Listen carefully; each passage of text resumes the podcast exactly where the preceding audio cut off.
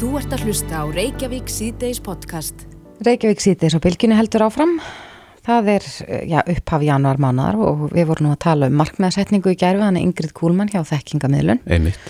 Og vorum að, að spyrja í viðhorskonun dagsins hvort að já, fólk væri almennt að strengja árum út að heita eða mm -hmm. að setja sér markmið. Akkurat, setja sér markmið fyrir árið. En ég rakst hérna á grein eftir nú einn mann sem við höfum oftar en einu sinni tala við en Það er nefnilega að tala um sko, áramóta heit og sparnað. Já, hvort að það geti verið þá eitt af áramóta heitunum eða, eða hérna, markmiðunum að leggja fyrir. Björn Berg Gunnarsson, deildastjóri greiningar og fræðslu hjá Íslandsbanka er á línunni. Kom til sæl. Já, sæl, blessu. Já, þú skrifa grein og, og telur rétt að minna á sparnaðin? Já, þetta eru oft tílefni eins og við nefndu til þess að líta eins fram á veginn og og velta fyrir sér svona ekki kannski bara hvað maður ætti að gera á árunni, heldur hvað maður langar að gera og það sem, það sem margir vilja reyna að láta ganga upp núna í ár sem kannski gekk ekki upp í fyrra, það er spartnaðurinn mm -hmm. og, og ég er svona velta því upp uh, kannski aðeins hvers vegna það er og, og hvað hægt er að gera til þess að láta það ganga upp núna í þetta skipti. Vegna þess að einhver hluta vegna þá klikkar þetta hjá ansi mörgum þrátt fyrir að það að, að byrja að spartna eiginu að vera til til auðinfald En hvernig er best að byrja fyrir þá sem að eh, eru svona ekki alveg á, á þeirri línu eða, eða kunn ekki? Já, það, það er eh, að mínum að við getum kannski einfalt að það í tvöskref, í greinin er það kannski ölliti flóknara, en annars vegar er það að uh, byrja bara strax. Það er að segja að, að skrá spartnaðin vegna þess að það þarf ekki meira að vera meira heldur en bara millifærsla. En það er galdurinn og eina töfralösnin í spartnaði er það að taka valdið á okkur sjálfum. Mm -hmm. Í stað þess að við ætlum um hver mánaðamót að vera velta því fyrir okkur hversu mikið við höfum þarna, uh, afgangs til þess að, að leggja fyrir og, og, og hvert það eigi nú að fara, þá sé bara búið að stilla þetta eins og reikning sem er í sjálfvirk skuldfæslum hver mánaðamót. Þá tökum við ekki eftir þessu og spartnaður verður eins og sérnarspartnaðurinn sem við tökum ekki eftir en ég er samt að virka. Þannig að þetta er spartnaður í áskrift? Þetta er spartnaður í áskrift það er það sem virkar ef þið ætlið að reyna að, að, að muna eftir því að hafa aga á sjálfum ykkur um hver einustu mánamót og millifæra pinningin, þá mun það ekki ganga. Anna líka Björn fyrir ekki sem, sem að þannig bæta eins við þetta að, að það bóðar ekki gott að ætla að sjá hvað eru afgangs í lókmánaður eins til þess að leggja fyrir. Akkurat, við getum orðað þannig að við séum að færa sparnaðin framar í forgangsröðuna að með því að breyta honum í reikning, með því að gera sparnaðina svona sjálfvirkri áskrift eins og nefndir, þá er hann orðin eins og símareikningurinn eða internetreikningurinn. Mm -hmm. Það fer fremst í rauna og við getum ekki geilt honum og við getum ekki sagt ég hef ekki sviðrum með núna í þessu mánuði. Akkurat. Og þá kannski stillu við aðra nýslu af þannig að þetta gangi upp en við ætlum ekki að vera að taka af sparnaðin. Nei, í gerðtölu við svolítið við markmiðsetningu og, og þar var ja, viðmælund okkar sem sagði við okkur að maður ætti alltaf að vera með svona mælanleg markmið. Mælir þú með því líka þegar við erum að, að, að tala um spartnað að við séum búin að ákveða fyrirfram fyrir hverju við ætlum að spara og, og, og skipta þessu þannig niður á mánuðina? Já, það er mjög góð ábyrting hjá henni og, og ég tek heilsugur undir það. það. Það sem það gerir líka er að það gerir spartnaðin ölliti skemmtilegri eða svona tengjur okkur betur við hann vegna þess að þá sjáum við fyrir okkur í hvað peningurum er farið að hverju hann mun skil okkur á endanum. Er ég að spara fyrir, er þetta lausafér sem þýðir að ég betur varum fyrir einhverjum áföllum og þarf ekki að taka, taka neyslulam? Eða er þetta fyrir sumafríinu, eða jólunum, eða efri árunum, eða húsnæði, eða einhverju slíku? Ef að þessi sparnaður er svona margskiptur hjá ykkur, þá skulle við skiptunum þannig niður uh, á reikninga, hafa þetta sem aðskilda reikninga eða aðskilda sjóði og svo sjáu þið hversu nær þeir færi þessu markmiði í hverjum mánuði? Þannig að einni reikningurinn já, þannig að einni reikningurinn gæti bara heitið nýri bíl eða Akkur. eða utanlandsferðin eða sömafríð eða hvernig sem það er. Já, það er bara nákvæmlega þannig. Það, það er þannig sem ég gerir það og, og ég finn það hversu nær ég er alltaf að koma þessum hátalara eða ferðalagi eða hvaða var sem ég verði að spara fyrir. En getur fólk bara að stopna þess marga reikningu það vill í, í böngunum já það er, ég, ég þekki best bara hjá okkur Íslandsbanka, það er hægt að, að, stopna reikningu og nefna hann hvaða nafni sem maður vill í netbankanum og, og þá sérðu þetta bara fyllast svona jæmt og þett. En svo er nú talað um í dag að eh, vakstast í enn og ekki það hátt að það, það borgir sér alltaf vera að leggja peningin í banka, að hann brennir bara upp. Já, en uh, það er nú þannig að við, ef við lítum á löndin í kringum okkur og sjáum hvernig þetta hefur verið í flestum þegar löndin sem við byrjum okkur sama við núna um langt árabil þá hafa vexti verið þetta lágur eða jættil ennlæri í, í langa, langan tíma. Það er fólk samt sem áður að spara, eða samt að leggja fyrir. Og þrátt fyrir að það sé erfitt að fá þokkalega ávöxtun með mjög lítill áhættutöku, uh, að þá sapnast nú samt sem áður saman peningurinn sem við leggjum fyrir. Það er það sem skiptir máli. Það er það ekki þar með sagt að það sé ekki hægt að fá góða ávöxtun, maður það bara að leggja sig aðeins meira fram við það eða leita aðeins lengra eins og inn á verbreyðamarkaðu eða sjóði eða eitthvað slíkt sem eru þetta nokkuð stort skrefa stíga og þá þarf maður að ráðfæra sig við sérfræðinga mm -hmm. en þegar vextir eru lágir og ef þú vilt halda þig við þá uh, áherslunakosti sem bjóða bara lága vexti þá skaltu bara vera að hugsa um krónutöluna sjálfar og það, þú getur lagt þetta auðvitað í umslag í reyðu fjö ef, ef þið líður betur með það en að gera þetta inn í banka eins og bankareitningi eða eitthvað slikt þá þetta hefur þetta kannski skýra fyrir fram að því í netbankanum mm -hmm. getur fylgst með, getur breytið svo stillingum og umfram all það hefur þennan kost að þú getur stilt þessa sjálfvirku áskrift eða sjálfvirka spartnaði hver mánuðamót og ég ítrekka það það er nummer 1, 2 og 3 það mikilvægst að í spartnaði að hann sé sjálfvirkur og mánuðalegur. Já, en þannig að við dröfum þetta en saman þá er það sjálfvirkir spartnaðurinn sem er nummer 1, 2 og 3 en svo þurfa maður líka að vera búin að ákveða fyrir hverjum er maður að spara og, og geta Já. þannig lagt markvist fyrir. Akkurat og er það, og, og hversu mikið þarf þá, hversu mikið þarf ég til þess að ná þessu markmið að leggja fyrir hverju mánuði. Mm -hmm. Ef staðan í dag býður ekki upp á alveg þá krónuntölu, en við vantar eitthvað upp á, þá skulum við skoða hvort það sé hægt að finna eitthvað í neyslunni. Draga eitthvað aðeins saman annar staðar sem eh, er þessi virði að fórna vegna þess að ég næ þessu, þessu ennþá skemmtilegra markmið sem er að ná þessu spartnaðarmarkmið. Já, þetta eru góð ráð. Björn Berg Gunnarsson, deildarstjóri greiningar og fræðslu hjá Íslandsbanka. Kæra þakki fyrir þetta. Takk fyrir mig. Þú ert að hlusta á Reykjavík C-Days podcast. Reykjavík C-Days heldur áfram. Við erum nú oftar en eins og búin að tala um bólusetningar en það er þetta á allra vörum þess dagana. Já. Mikið að gerast í þeim efnum. Mér skilst að Moderna sé komið með um, þetta markasleifi í, í Evrópu eins og búist var við í dag. Mm -hmm. En nú lásum við fréttum að fólk sem er 70 ára á eldra er í næsta forgangshópi og fær næstu bólusetningar. En þetta er breyting, er það ekki á þessum forgangshópum sem að var bótið út? Akkurat, en uh, þetta er um 30.000 einstaklingar á fyrsta ársfjörðungi sem að munu fá bólusetningu skilst mér mm -hmm. og hinnir geta því ekki búist við að fá bólusetningu fyrir en eftir mars. Nei, einmitt. Þórálu Gunnarsson, sóttarnalegnir er á línu, kom til sæl. Já, sælveriði. Uh, við heyrðum hérna í daginn í formanni félag sjúkraflutningamanna sem að förða á sig að því að þeir væru svona aftalega í röðinni, svona miða við þeirra störf. Uh, hvað þýðir þessi breyting? Ég, það er náttúrulega mjög margir sem eru óanæðir með að vera ekki framalega í röðinni og það er náttúrulega alveg ljóst og, og skiljanlegt í, í ljósi bara þess sem að hefur verið talað verið um og, og, en það verður náttúrulega verða að vera skýrt að það er í ljósi þess uh, skort sem við, eða það er að segja þess maks sem við erum að fá að bólefni. Við getum bara ekki bólusett alla sem vilja sem telja að sé verið í forgangi og, og við teljum að það sé mjög, mjög mikilvægt á þessari stundu að, að í nú fyrst að, að hérna og ég hef sendt til og þetta á þeirra að, að hérna að bólusetja þá sem eru mestri áhættu að fá COVID mm -hmm. það er þess að svo kallega framlínu uh, starfsmunni í helbriðsjónustinni og svo hérna el, eldstu íbúa þessa lands eh, sem að sérstaklega yfir sjötugt sem að eru greinilega í mjög mikill áhættu og aukinni áhættu að fara illa út úr COVID-síkingunni. Hinga til og, að við, vera að bólusita þá sem eru á hjókunheimilum þetta ávið um alla Íslandinga sem já, sko, eru 70 ára og eldri? Já, við byrjuðum á því að bólusita þá sem eru inni sem er náttúrulega veikasta fólkið okkar og, raumasta fólkið sem er inni á, á hérna uh, hjókunaheimilunum og öldrunarheimilum og, og, hérna, og, og eins, einstaklingar inn í félagsfjónustunum sem eru með undirlik, aðra undirlikjandi sjúkdóma. Uh, þannig við reynum að bólusita þá fyrst og síðan reynum við að ná þeim sem eru aldraðir almennt sér og fegur okkur þannig niður listan og jáfnveil svo þurfum við að reyna náttúrulega að taka þá sem eru með ákveðna undirlikjandi sjúkdóma sem eru yngri en sjötugt. Mm -hmm. Hvað er þetta stór hópur 70 ára og eldri? Það er eitthvað um 34.000 manns.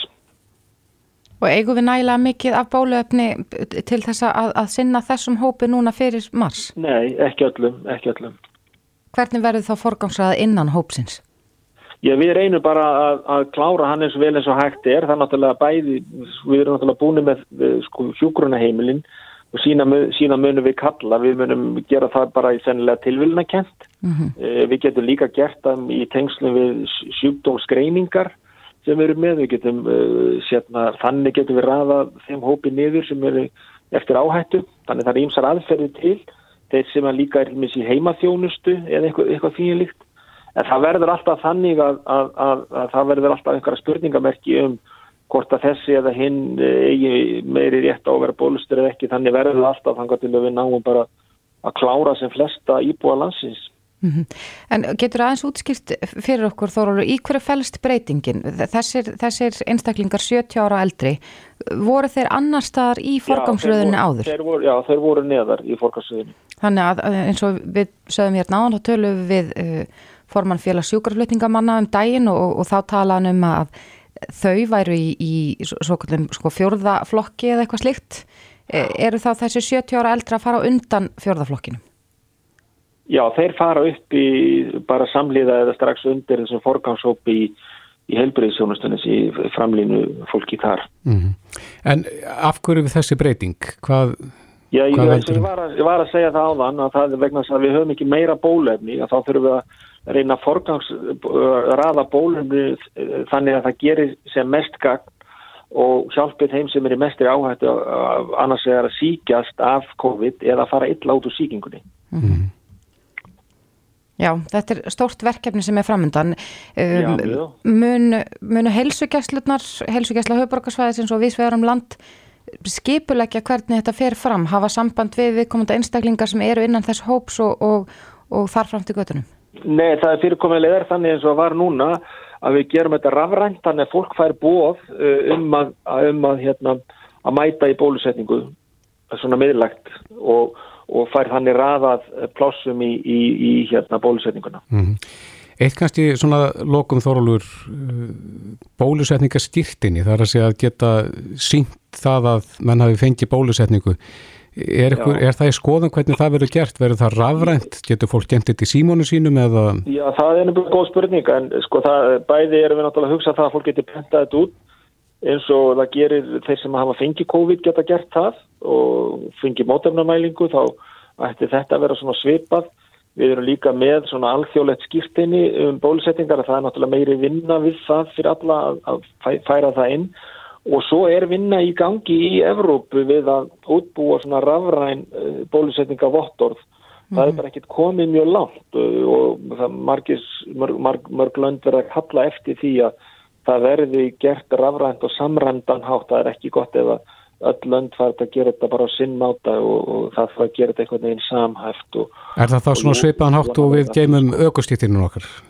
Ég þóru nú ekkert að fara út í teknilegu liðin á því hvernig það verður. Það verður það svona aðrir að svara því þegar, uh, þegar það að kemur en að þetta geti verið mikið náttúrulega hægðar auki fyrir alla að hafa þetta rafrænt uh, bæði örugt og, og, og samrænt. Það er þetta það sem er mjög mikið vægt. Mm -hmm. Núna hefur Livjastofnun Evropu samþygt dreifingu á bólefni Moderna. Uh, þýðir þetta að, að já, við munum sjá þetta bólefni koma hinga til lands á, á næstu dögum og vikum? Já, það er, við erum búin að fá afhendingar áhællun frá Moderna um, um hvernig, hvernig þeir munu afhenda bólefnið og þeir gera ráð fyrir að við munum fá um 10.000 skamta fyrir lókmars og, og hérna uh, og það komur svona aðra hverja viku, eitthvað svo leiðis mm -hmm. og, og hérna en nákvæmlega nákvæm dagsetning á því líkur ekki alveg fyrir en það verður bara vonandi fljóðlega þegar að er að búið að samþykja það hér og, allt verður klappa og klárt. Já, er eitthvað eftir að hlera þig þorur um hvort að það þókist eitthvað þessar viðræður við fæsir um, um hvort að gerðverði, já, svo gullir tilraun að við verðum eh, notuð í þeim tilgangi að, að aðtuga hvernig virkni bólöfninsins er og, og að við verðum bólusett á í stórum stíl. Nei, það verður ekkert hyrst frá þeim meira. Bólten er bara hjá þeim og við sendum þeim þær upplýsingar sem við báðum og við erum ekkert hyrst frá þeim meira. Nei. Þorlur Guðnarsson, sóttvarnarleiknir, kæra þakki fyrir þetta. Já, sömulegis. Bless, bless. Takk, takk. Hlustaðu hvena sem er á Reykjavík C-Days podcast. Reykjavík C-Days í dag er 13. Mm -hmm. 7. januar og uh, ég heyri það bara finn það á einn stinni að maður er búin að vera að sökka svolítið með tímasetningar í fríinu? Já, ég, ég held að það sé örgulega margir sem setja sér það markmið að fara fyrir að sofa, sérstaklega eftir já, svona hátíðarnar, maður Já. vaki lengur og er eitthvað glápa sem varpið og svo á maður erfiðara með að fara fram úr mótnana. Já, ég tala ekki um börnin sem að þurfa að vakna í skólan. Mhm. Bæði erfitt að fá þau til að fara fyrir að sofa og svo erfitt að vekja. En það er spurning hvernig við getum komið okkur í og börnunum í sem besta rútinu á sem snegstan hátt. Já, á línunni er sérfræðingur í þessu málum, Erla Bjórsdóttir sálfræðingur hjá betrisvepp.is, komdu sæl. komið sæl. Er þú með er, einhver trikk fyrir okkur, eh, einhver leini vopn svo maður geti komið rútinun aftur í, og svepprútinunni í eðlilegt horf? Já, sko þessi vika þetta reynist mörgum þung, þetta var langt jólafrí og það er mjög algengt að við svona senkum okkar dægur takti í jólafrí, förum setna að sofa og vöknum setna. Eh, Best eru þetta að byrja nokkrum dögum áður en skólar og vinnur hefjast á ný að rétta sér svona smám saman við, en það er náttúrulega seint að gera það núna, skólanir byrjaðir og vinnan farin á stað, Þannig að margir kannski er að upplifa meiri þreytu og svona þessa dagana. En ég mæli með því að passa sig á því að vera ekki að bæta sér að upp með því að leggja sig eftir vinnu eða sem gæti alveg verið freistandi. Og heldur bara að halda stríki, stundar hreyfingu, borða reglulega og reyna að fara bara snemma í rúmið, passa skjánótkununa og ekki keira sig áfram á koffíni eh, þó að maður sé sifjaður yfir daginn af því að það kemur svo bara í bakið á manni. Þannig að reyna svolítið að vera strangur á rútinunni þessa vikuna og fara bara á fætur, jáfnvel þó maður hafi ekki fengið kannski fullnægandi sveð. Og síðan þegar helgin kemur að passa sér líka þá að halda reglulegri rútínu, ekki svo að fram eftir um helgina heldur reyna svona einhvern veginn að halda réttum takti núna og þá ættum nú flestir held ég að vera orðni góður bara í næstu viku. Þannig að þetta er, er þetta alveg viku svona verkefni að reyna að snúða þessu? Það er auðvitað bara mismunandi hversu mikið maður er kannski búin að ruggla sárarringstaktin sinn. En það sem að er svo fristandi að gera, þú veist, það er akkurat að bæta sér þetta upp með að taka smá kríu og svona, en það lengir bara tíman sem þetta tekur. Mm Þannig að það er best að taka þetta svolítið bara hörkunni. Er maður fljótari, fyrir ekki að erla, er maður fljótari að ruggla systemi heldur en að koma því rétt horf aftur? Uh, Er það minni fyrirhöfn? Það er minni fyrirhöfn. Það er okkur eðlislegt að senka taktinum okkar af því að líkamsklukkan okkar er aðeins lengri en 24 klukkutímar og þess vegna gerist það hjá lang flestum í fríum að við förum ósálfur að bara mm -hmm. setna að sofa og vakna setna. Og ef þetta er orðið mjög íkt og við erum jáfnvel farin að snúa sólarhringnum við og sofa til hátis eða fram á miðjan dag, að þá gefur það auga leið að það tekur smá tíma að rétta það minnstur af, sko.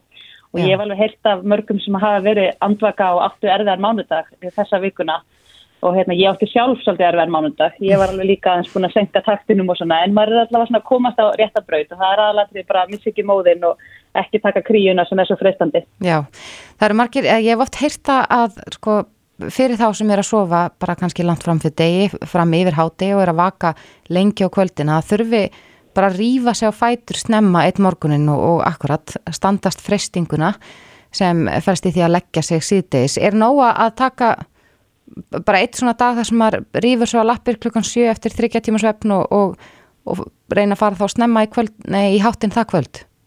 Já, það getur alveg verið nóg því að það gefur auðvitað leiða ef þú vakir allan daginn og leggur þau ekkert að þá ertu náttúrulega orðin döð þreyttur þegar það kemur eðlum háttatíma þannig að þá ertu bara kannski strax komin á þinn eðlilega takt. Og það er einmitt gott að stunda hreyfingu, vera úti við, eh, nýta byrstuna sem við höfum. Það er ótrúlega fattitt veður hérna allavega á höfuborgarsvæðinu þannig að hérna hreyfing og útivist gerir okkur alveg ótrúlega gott og ef við vöknum snemma og erum þreytt að drífa okkur í göngutúri eða fara í sund eða gera eitthvað sem hjálpar okkur að rífa upp orkuna. Mm En eh, hvaða, já, hvað getur maður gert varandi börnin? Það er nú kannski erfiðar að halda þeim vakandi þegar maður er að keira milli staða síðdeis og, og þess að passa þau sopni ekki, taki ekki þessa langþráðu kríu. Já, það eru þetta svolítið það sama sem gildir með þau að það er hreyfing og útivera, holt mataræði og regluleg rútína sem er það besta og við þekkjum það nú flestir foreldrar, eh, sérstaklega með þessi börn og leikskólaaldri sem að leggja sig í hátteginu að þessi kríja í bílnum setnipartin, hún getur verið mjög hættuleg og hún getur gert það að verkum að orkan vera er fljóta endur nýja sig og þau eru miklu lengur á sopnum kvöldið. Þannig að reyna frekar að kveikja á skemmtilegri tónlist eða bara lapp, fara lappandi að sækja þau í leikskólan og reyna að forðast að vera með þau í aðstæðum þar sem að þau eru líklega til þess að sopna setnipartin því að þessi setnipart kríja, hún er stórhættuleg. Mm. En aðeins burt sér frá þessu en kannski á sömu slóðum, er þetta að breyta A-mannestu í B-mannestu og B-mannestu í A-mannestu með lítilli fyriröfn? Það er mjög mismunandi. Sko flest eru við nú á svona nokkur neginn gráu svæði, getum aðlæguð okkar í báðar áttir, bara með okkar vennjum. Uh, það er að nota dagljós og byrstuna í umhverjum til að stilla okkur af líka. En svo er alveg til einstaklingar sem eru bara mjög yktir í aðra áttina. Það er ekkert mjög algengt en það eru ákveðin svona klukkugen sem að gera það verkum að fólk getur next mjög mikið annarkvört í átt að A-típu eða B-típu og geta átt bara mjög erfitt með að breyta sér. Og við sjáum til dæmis að B-mannuskjötnar að það, það er farað að setna að sofa en það er þurfa samt svolítið að aðlæða sig þessu samfélagi sem er svolítið sniðið að A-típunni 8-4 vinnudagurinn og þar að leiðandi kannski fá stundum minni svefn og eiga stundum í svefnvanda Mm -hmm. En þetta er líka fólki sem að sækir í auknu mæli í vaktavinnu og yfirleitt plumar sig bara mjög vel í vaktavinnu. Þannig að þetta, þetta getur verið svona á alla vega. Akkurat, en það eru eflust margir að hlusta sem að geta nýtt sér þessi ráð. Erla Björnsdóttir, sálfræðingur hjá betrisveb.is. Kæra þakki fyrir þetta. Takk fyrir. Reykjavík síðdeis á bylginni. Já, já, við heldum áfram hér í Reykjavík síðdeis. Við heyrðum á þann í Sotvarnarleikni og uh, það er búið að breyta þessari forgangsröðun. Nú mhm. verða þeir sem eru 70 ára á eldri næstir í röðunni til að fá bólusetningu og við heyrðum það hér í símatíma í okkur á hana að fólk var svona óvist eh, um það hvernig hægt er að bóða fólk í síntöku ef það er ekki með rafræn skilriki. Já, þessi hópur er þannig sem settur, margir eru bara fjölmiðla fælni, hérna e, tæknifælnir Já. og er ekki með þessa tækni, það er að segja rafræn skilriki. En á línunni er Ragnhildur Ósk Erlendstóttir, framkvæmdastöru hjúkurinnar hjá Hilsugjæslan og Höfuborgarsæðinu. Kom til sæl. Já, komið sæl. Þið eruð að skoða þessi máli þætti hvernig hægt verður að ná til allra sem að verða bóðaður í bólusetningu. Jú, það stemmir. Og eins og við erum að hugsa þetta, þá hugsaðum við þetta í svona þremur skrefum. Og fyrsta skrefið væri þá að við ætlum að vinna vel með öllum hjúkronarheimilum og og öllum sem eru með dagþjálfun og, og öll lík svona, svona úrræði eins og íbúakjarnar og fleira í þeim dúr. Mm -hmm. og við fáum lista hjá þeim yfir alla þessa íbúa og, og vinnum ná með þeim og, og förum síðan í þá þessa íbúakjarnar og dagþjálfanir og annars líkt og bólusetjum á þessum stöðum. Þegar þetta skrefi búið að, að þá er það næsta skref að, að senda þeim sem er ekki með neina svona þjónustu að við myndum senda þeim þá þessi streikamerki mm -hmm. sem mhm. eru þá fundin bara með úr þjóðskrá uh, og bóða þá til okkar á, á Suðurlandsbreytina. Þetta væri skref 2. Síðan væri það þá skref 3. Þá myndum við skoða hverjir væri þá eftir og þá væri þá vantilega þeir sem væri ekki með rafra skilirki. Og þá var hugsuninn að við myndum hafa þá bara opið hús eða eitthvað slíkt og, og bóða þá þessa aldurshópar sem eru í, í réttum aldurshópi til okkar á Suðurlandsbreytina í opið hús sem við myndum þá bara fá ykkur kannski fjölmeila með í lið með okkur á auglísa. Já, ég ætlaði að mynda að spyrja hvernig fá þeir bóðið?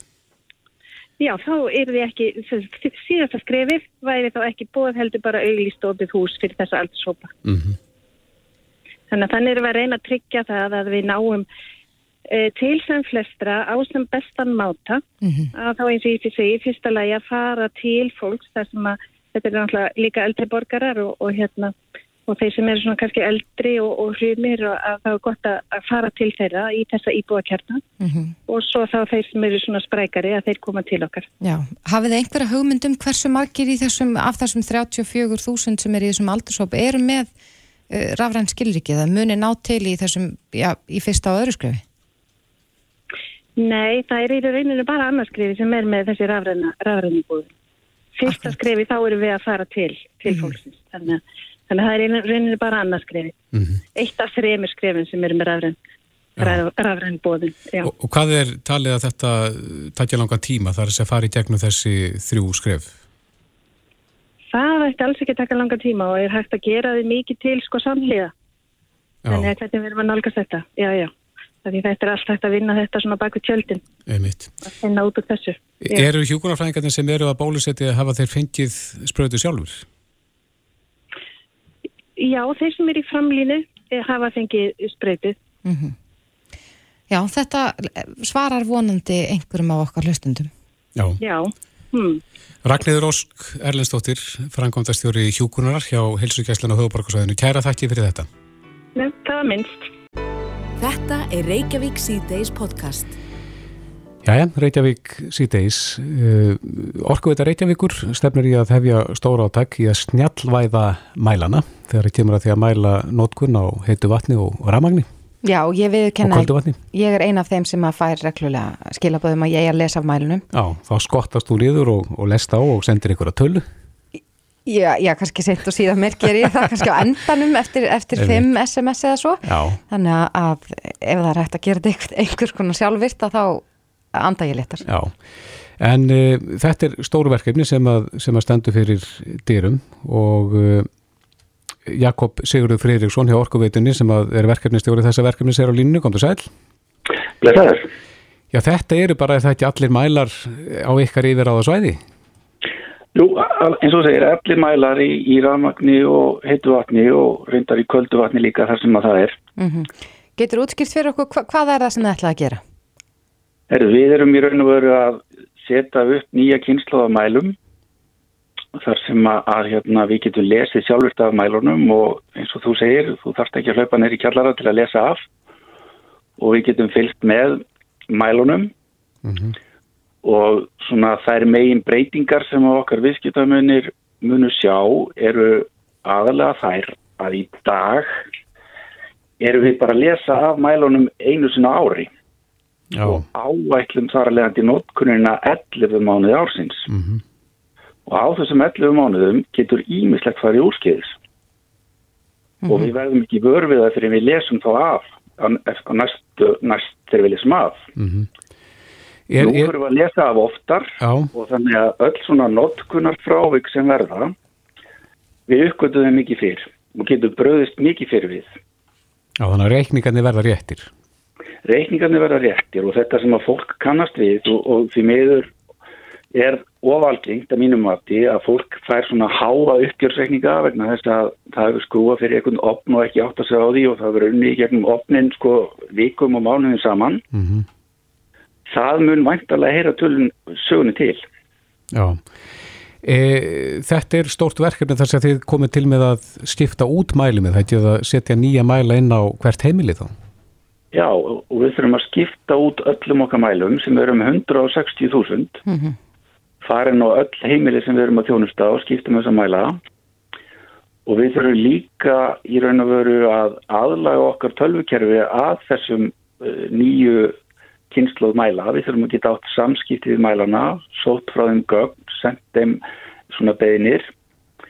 Þannig að þetta er gríðalega stórt og umfangsmikið verkefni sem að snertir marga fleti í fyrirtækinu. Sem þið, já, þið vinnið þetta í samstarfi við Vodafone.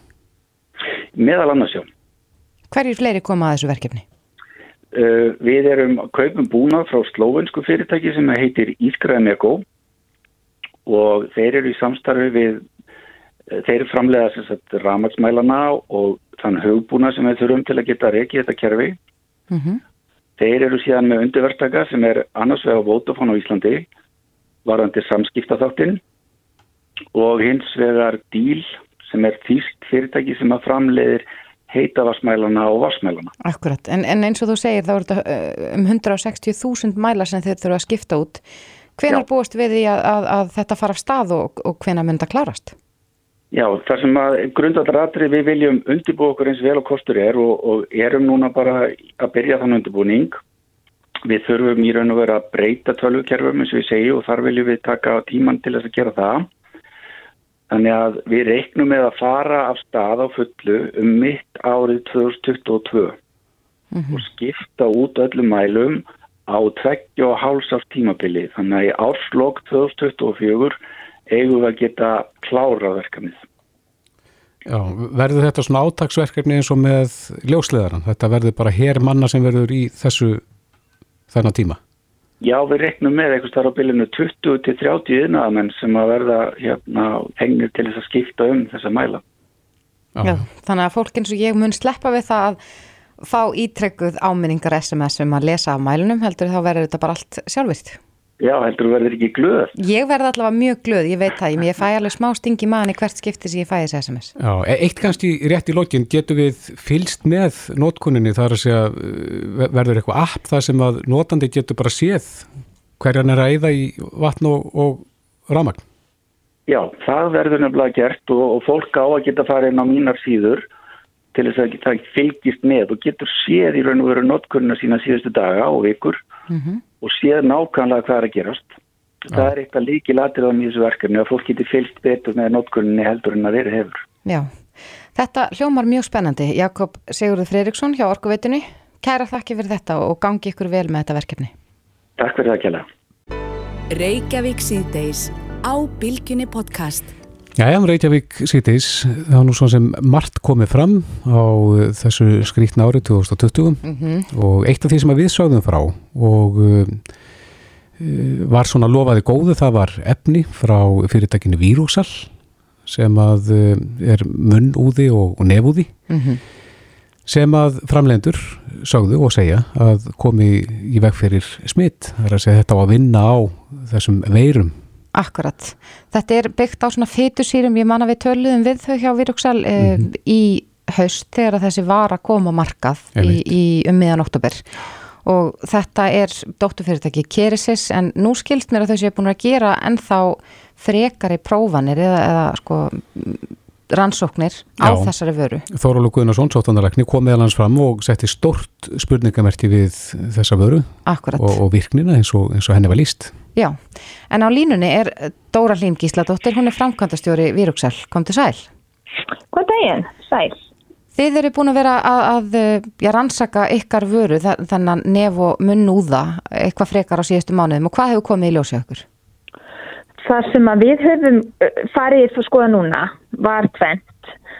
Það annars verður langað okkur að vita því að þessar stöðluðu prófana sem við gert þær miða við að geima í tilrænuglusum í 30 mínútur uh, vöruna og okkur langaði að vita hversu hratt getur þetta virkað og við komumst að því að varan er að eidilegja himnu vírusins nánast strax alveg eftir eina mínútu þá erum búin að brjóta vírusin sem er, er mjög góðs viti fyrir líkamann. Hvernig fóð svo rannsók fram? Var, var þetta í tilurna glösum og undir smásjá? Þetta er tilrönglusum. Þetta er í rauninni ekki eitthvað sem þú getur mælt í líkamannum. Og þá setur þú rektur upp veiruna, blandar henni saman við efnið og svo skoðar hversu margar ná að fara inn í frumur. Hva, hvaða veiru voru það að skoða? Við vorum að skoða. Það var annað sem okkur þótti svolítið merkilegt. Nú vil ég meina að við sem öll orðin, við erum orðin vel meðvituð um veirur og kannski öll pínulítið hrætt fyrir út lífið við veirur og, og hérna, viljum passa okkur hér eftir. Þannig að við ákvæmum að skoða aðeins breyðari hóp og skoðum meðal annars influensu sem getur verið ansið skæð. Og við komumst að því að varan okkar er að virka jafnvel á influensu og hún er að virka á SARS. Þannig við bánum þetta saman En- og er að koma bæði vel út. Já, hvar, hvar fáið þið þessa veiru til þess að skoða? Ekki kaup maður hægt út í búð? Nei, þetta er gert að rannsóknastofi í háskóla í Jútafylki. Bara gríðarlega fært rannsóknateimi sem að er með þetta uh, hefur ræktað upp og heldur utanum. Það er sannarlega ekki hvar sem er sem þú veist að rækta SARS-veiruna sem betur fer. Nei, en, en er, þessi vara er ekki til þess gerða að, að lækna COVID, þetta er í raun og veru þið segið að þessi vara, hún ræðst á veiruna og, og brýtur hana niður, hvernig, getur aðeins útskýrta fyrir okkur? Það er svolítið eins og sápa. Þetta eru örsmáður fytusmýrur sem að rjúfa himnin á veirunni. Og það eru vísindi sem eru nokkuð vel þekkt að líkur leysir líkan og fytan leysir fytu og það er þannig sem hún er að rjúfa himnina. Þannig að þegar þú, þú spreyjar eða úðar í munnin og svo kemst hún í tæri við veiru þá nær hún ekki að koma sér inn í frumu. Það eru okkar kenningar. En, eins og þú sér um hendur. Já, akkurat. En eins og Kristófer uh, myndist á einn áðan, þá uh, eftir að varan ykkar kom á markað í oktober síðastlinum, þá já, setti sótvarnaleiknir Þorlu Guðnarsson stort spurningamerki við þessa vöru sem fyrirbyggjandi vörn gegn kórnuverunni um, og, og í raun og veru að það þurfa að sína fram á virkni vörunar með rannsóknum. Hafa farið fram einhverja rannsóknir á, á virkninni sem slíkri? Sko það sem við höfum fyrst og fremst verið að rannsaka er uh, öryggi og það höfum við farið í mikla rannsóknir og við getum sínt fram á að varanveldu er ekki skada. Það höfum við líka gert í mönnum. Það að sína fram á virkni í mönnum er mjög flókið og tekur mjög langan tíma. Það er svo sem eitthvað sem við erum enn að skoða og erum að vinna í samstarfi við ymsa uh, aðila með það. Bæði rannsóknarstofur í bandarækjunum og hér á Íslandi.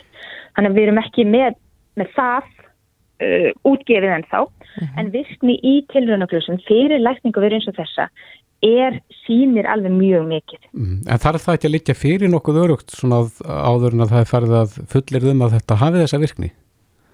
Það, það þarf ekki að litja fyrir nokkuð örugt þegar þú ert að segja við, við vitum hvað varan gerir, við vitum að hún eigðir þessari veiru og við þá ber okkur í rauninni höfu við leiði til að setja vörun á markað það leiði er gefið út fyrir lækningaveri leiði. Þannig að við teljum að það liggur allt fyrir sem þarf að liggja fyrir, fyrir svona vöru. Við erum ekki leif og það er gríðarlega mikilvægt. Það er ekki virkni prófanir á til dæmis sápu sambarilegar við virkni prófanir á livjum. Nei, en, en þetta er þá bara svona eins og viðbót við þessa persónlegu sóttvarnir sem við erum kannski öll Já, bara byrjuð að við hafa ómeðvitað, handþvott og, og spritt og grímur og, og, og svo mætti lengi telja. Já, og það er svolítið þannig sem að við sáum fyrir okkur að, að Þóraldur hafi, hafi brúðið. Að hann stendur í því að vera með heila þjóðabakkinu og er einn og persónlega og ber ábyrðað okkur heilsu og það, þá hafi hann bara sennilega orðið svolítið hrættur um að fólk færi nú kannski bara að hópast upp til handa og fóta og sleppa gríminurkun og hætta þessum hendur. Uh -huh. og það er alls ekki það sem við viljum meina. Við leggjum miklu áherslu á að fólk noti áfram og bæti þessum úða við sína persónlu sóttvarnir. Haldu áfram með grímuna, fóður um hendur, sprittaðu, haldi fjarlag. Stundum í sögum tilfellum er erfitt að nota grímu uh -huh. og þá getur þú til dæmis nota úðan. En þarf maður að nota úðan sko statt og stöðugt á hverjum degi eða á eitthvað klukkutíma fresti eða eitthvað slikt til þess að virknin sé sem mest? Nei, þú þarft ekki að nota hann á hverjum degi. Ef þú stilt hans alltaf heima hjá þér, ferð aldrei út úr húsi, þá þarft ekki að nota hann. En ef þú ert að fara í húsanlega líkarsvægt, þá er gott að nota úðan. Ef þú ert að fara í búð eða þú ert að fara á kóraengu, uh, talningum um þessar þar sem að fólk hefur verið að smittast, að þá er mælt með að nota úðan. Fyrir eða eftir hittingin? Fyrir mm -hmm. og svo jafnvel getur spröyta líka eftir. En það kom upp smitt á, á þínu vinnustaf, ekki satt? Það er, já, ég get sagt hvernig það ekki að nota úðan. En það er þannig að ég, nú bjóð ég í bandaríkjunum og hérna, það kemur upp smitt á skrifstofun okkar í bandaríkjunum og ég, við erum fimm sem erum í samniti, það er maður sem kemur inn og er bara að vinna í dag og við erum fimm sem erum í samniti við viðkomandi. Það voru tveir starfsmenn sem voru að nota úðana og því miður var ég ekki einn af þessum starfsmennum. Ég var með úðan í veskinu þennan dag. Þessu tveir starfsmenn smittast ekki en við erum þrjú sem smittumst. Þannig að þú fegst sjálf COVID? Ég fegst sjálf COVID og ég get staðfest að úðin virkar ekki ef hann er ónötaður í veskinu. Mm -hmm. Sjáu þið fyrir ykkur að þessi var að verði bara þarf að þinga á flensu tímubölinu? Já, ég held, ég, eins og ég segi, ég held að við séum að keira inn í bara ára tíu þar sem við verðum öll svolítið meðvitið um vírusa, veirur og við munum halda áfram að vilja viðhalda persónlegum sótturnum og vera með þau tæki sem þarf mm -hmm. og er gott að hafa. Já, Dóra Hlín Gísladóttir, framkvæmdastjóri Výrúksel, takk fyrir þetta og gangi ykkur vel. Takk. Reykjavík síðdeis á Bilginni podcast. Reykjavík síðdeis heldur áfram. Við tölum oft um, um eitthvað sem tengist atvinnulífinu og, og höfum leita á náðir uh, Rakela Sveinsdóttur mm -hmm. sem er reittstjórn þar. En nýjasta greinin á atvinnulífinu á vísi.is hefst á þessari setningu. Það getur verið erfitt að vera í vinnu þar sem þú fólir ekki yfirmannin þinn. Nei, ég hef nú verið svo blessaður í gegnum tíðin að hafa alltaf verið með indislega yfirmenn. Já, sammála. Þannig að ég veit ekki hvort þetta flokkist á hundur óhefni eða hvað en, en það er spurning hvern á að eiga við slíka menn eða slíkt fólk. Já, og hvort það sé ráð fyrir þetta fólk sem bara er virkilega í nöpp við sin næsta yfirmann. Já. En Rakel Sveinsdóttir er á línunni. Komdu sæl, Rakel. Sælverðið og gleðilegt ár. Já, gleðilegt ár. Gleðilegt ár. Hvað segir okkur? Get, er hægt að vinna undir einhverjum sem að, að maður þólir ekki? Já, hérna, það er nefnilega þannig að, að í þessu, veist, þetta er akkurat málefni sem að við eigum oft svolítið erfitt að tala um. Við segjum mjög gertan engum frá því að, að við þólum ekki yfir menn nema kannski nánustu vinum og vandamönnum Mhm. og það er erfitt og líjand að vera í starfi og þóla ekki yfir mannin og vera kannski í draumastarfinu samt. En, en það, það sem að hérna, þetta snýst rosalega mikið um er í rauninni að ef okkur tekst að rýna svolítið í og bæta úr samskiptunum við yfirmannin, þá erum við komin í rauninni mjög langt og í dag tökum við fyrir nokkur ráð sem eru gefin fólki sem eru í þessari stöðu að þóla ekki yfirmannin og eru kannski komin á þann stað að það fyrir bara allt í töðarnar á, á þér með þennan hérna, einstakling og hérna og fyrsta ráðið sem er svona gefið og er sagt í rauninni það ráð sem hefur reynst fólki hvað best í gegnum tíðina, árangustríkast, er að setja sjálfan sig í spór stjórnandans. Ef að okkur tekst svolítið að skilja í rauninni hvers vegna stjórnandin er eins og hann er eða segir það sem hann segir eða veist, er undir miklu álægi eða stress eða hvað það er, að, að því meira sem við skiljum hérna stöðunum sem yfirmaðurinn er í, því auðveldar að virðist að vera fyrir fólk að svona ná að bara horfa aðeins öðruvísi á hlutinu og skilja þá betur og, og horfa þá kannski líka á það þannig að sumir veikleikar eru reynilega bara mannlegir hérna þættir og við, við berum öll einhverja veikleika. Akkurat. Skiljiði. Síðan er hérna annað sem að, að enginn í rauninni sem að kannski situr heima og eigðir ómældri orku í þú veist að láta hlutina fara í töðatan á sér að ef að við viljum reyna að bæta úr málum að þá verðum við að horfa í eigin barn. Við verðum í rauninni svolítið að, að, að, rýna í hlutana, er það einhvað hjá mér sem gerir það að verkum að ég er sjálf að skemma fyrir þessum samskiptum. Er það til dæmis þannig ég bara set læ, læta alltaf fara í töðatan á mér ef að það er að benda mér á einhvað, þú veist, í staðan fyrir að verða því stundum fyrir mér, veitu, er hann kannski að benda mér á einhvað sem gæti gert það að verkum, þú veist, að einhvað verður betra hjá mér og hérna og þetta í rauninni er svona sjálfskoðun sem að, að við bara verðum að fara í þú veist og er okkur öllum holl af því að þú veist eitt af því sem að bara sýnir sér svolítið þegar að við látum eitthvað fara í töðunar okkur er að við getum orðið svolítið först sjálf. Síðan hérna er náttúrulega þú veist eitt sem við getum gert og, og kannski alls ekki allir sem myndir treysta sér í það það er að, að setja bara hreinlega niður og að hérna ræða málinn Getur það ekki, jafnvel skapað meiri vandamál ef að maður fer upp á yfirmanni sínum og segir mér líka rosalega illa við þig? Jú, það, það er kannski eh, hérna ekki verið að mæla með því að fólk myndi setjast niður og segja, herru, ég hreinlega þólið þig ekki. en, en ef að samskiptin eru kannski þannig að þú telur hérna líkur á því, þú veist að þú gætir mögulega, hérna fengið þannig naðurlega til þess að setjast niður með þér, helst svona á hlutlausum stað, til dæmis hittast í hátegurinn á einhvern hlutlausum stað. Og, og tilkynna það fyrirfram með langar að hérna ræða svolítið viðkvæmsmálefni og hérna en á jákvæðan og uppbyggilegan hátt að þá í rauninni gefuru til kynna, þú veist að þú viljir að ræða eitthvað sem er viðkvæmt en þú verður þá líka að undirbúa við undir það samtal þannig að þú ert sjálfur að hérna bara bjóða til og ræða út frá því hvað þú ætlar að reyna að bæta hjá sjálfum þér. Vegna þess að samtali getur ekki snúist um að þú setjast niður og segir við um hann, þú ert bara ómjögulegur en það er ekkert að hjá mér. Þannig að, að það er í rauninni hérna ekki hægt að hugsa þetta samtal nema þú sérst í rauninni búin að fara í gegnum þessa sjálfskoðun búin í rauninni þú veist að bæta úr einhverju vegna þess að þú svona er farin að hérna skilja betur Uh, þá stöðu sem að hérna, stjórnandin er í, þú veist, og ert búin að vera að reyna að sína einhverja viðlitni en kannski finnst þú ekki alveg vera að fá endurgjöfuna á móti, þá er mögulega hægt að setjast niður og reyna að ræða þetta í hérna góðutómi Mm -hmm.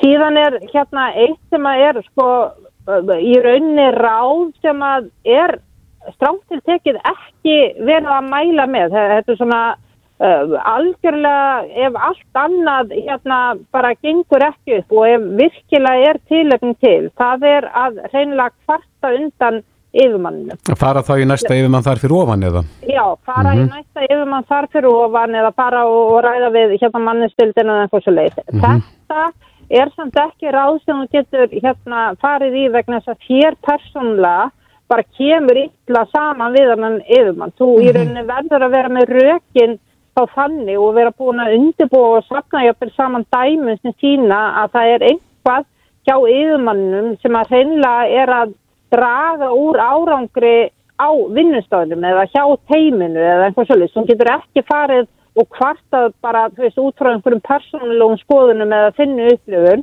nema það séu þá einhver alvarleg tilvik eins og einelt eða eitthvað svolítið þegar hún vil koma á framfæri.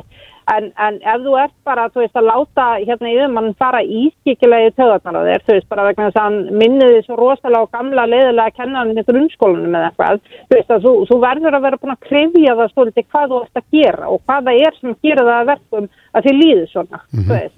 Þá húttalega er þetta leið og hérna, en, síðan er það fyrstaðatriði sem að því miður kannski allt og margir hérna fara í og fljótt á þess að vera búin að hérna, hugsa kannski aðra leiðir og það er veist að hætta í þessu starfi sem, sem mælingar er að sína um allan heim að allt of margir í rauninni gera. Mm Grípa til þess, uh, jafnvel bara eftir áðan að kemur að fyrst eða öðru ráðinu. Já, í, í raunin er það þannig, þú veist, ef þú ert í starfi hérna sem að uh, verkefnilega sé að þú veist, er kannski þannig að þér líður ágætlega eða þá eins og núna í COVID að þú metur aðstæðir í rauninni bara þannig að, að þú veist, það, það er hérna erfitt að fá vinnu en, en ert samt, þú veist, að, að hérna láta þig líða illa og eða bara tíma og orku í, þú veist, að láta yfirmannin fara í töðunar á þér og þá í staðan fyrir að fara þannig inn í árið, þú veist, að þá uh, myndi ég miklu frekar segja, þú veist, ok, hvað er það sem fer svona í töðunar á mér og er mögulega einhvern sem ég get gert til þess að betrum bæta það hvernig mér líður mm veist, og, og, og, og galdurinn liggur þá oftast í því þú veist, að, að horfa svolítið á samskiptin vegna þess að ef að samskiptin eru neikvæð þá er, hérna, er þetta svo vant ef að samskiptin eru jákvæð þá er það bara eins og með hérna, vinn og vandamenn og alla aðra þú veist, jú, jú, þessi kannski hérna, er ekkit rosalega góður í að taka ákvarðanir eða þú veist, forðast áreikstra og einhvað, þú veist, við lítum það bara fram hjá einhverjum öðrum aðrið. Já. En ef að samskiptin eru neikvæð, þá bara reynilega þér allt í töðunan á. Akkurat. Við ætlum akkurat að spyrja inn á vísi.is næsta sólurringin hvort að, að hvernig fólk líki við sin næsta yfirmann og það verður áhugavert að sjá það en, en þeir Já. sem svara því þannig að, að þeim sé illa við sin næsta yfirmann uh, hafa vonandi gagnast af því að, að hlusta á þetta viðtal. Já, og bara hérna vonandi, þú veist, og, og ég verð mjög spennt að sjá niðurstöður. Já, við tilkynum þeirra á morgun. Heyra, já, he heyra niðurstöður á morgun. Já, Rakel Sveinsdóttir, reittstjóri Atunlífsins inn á vísi.is. Takk fyrir þetta. Takk sem við leiðis. Bless. Bless. Þetta er Reykjavík C-Days podcast.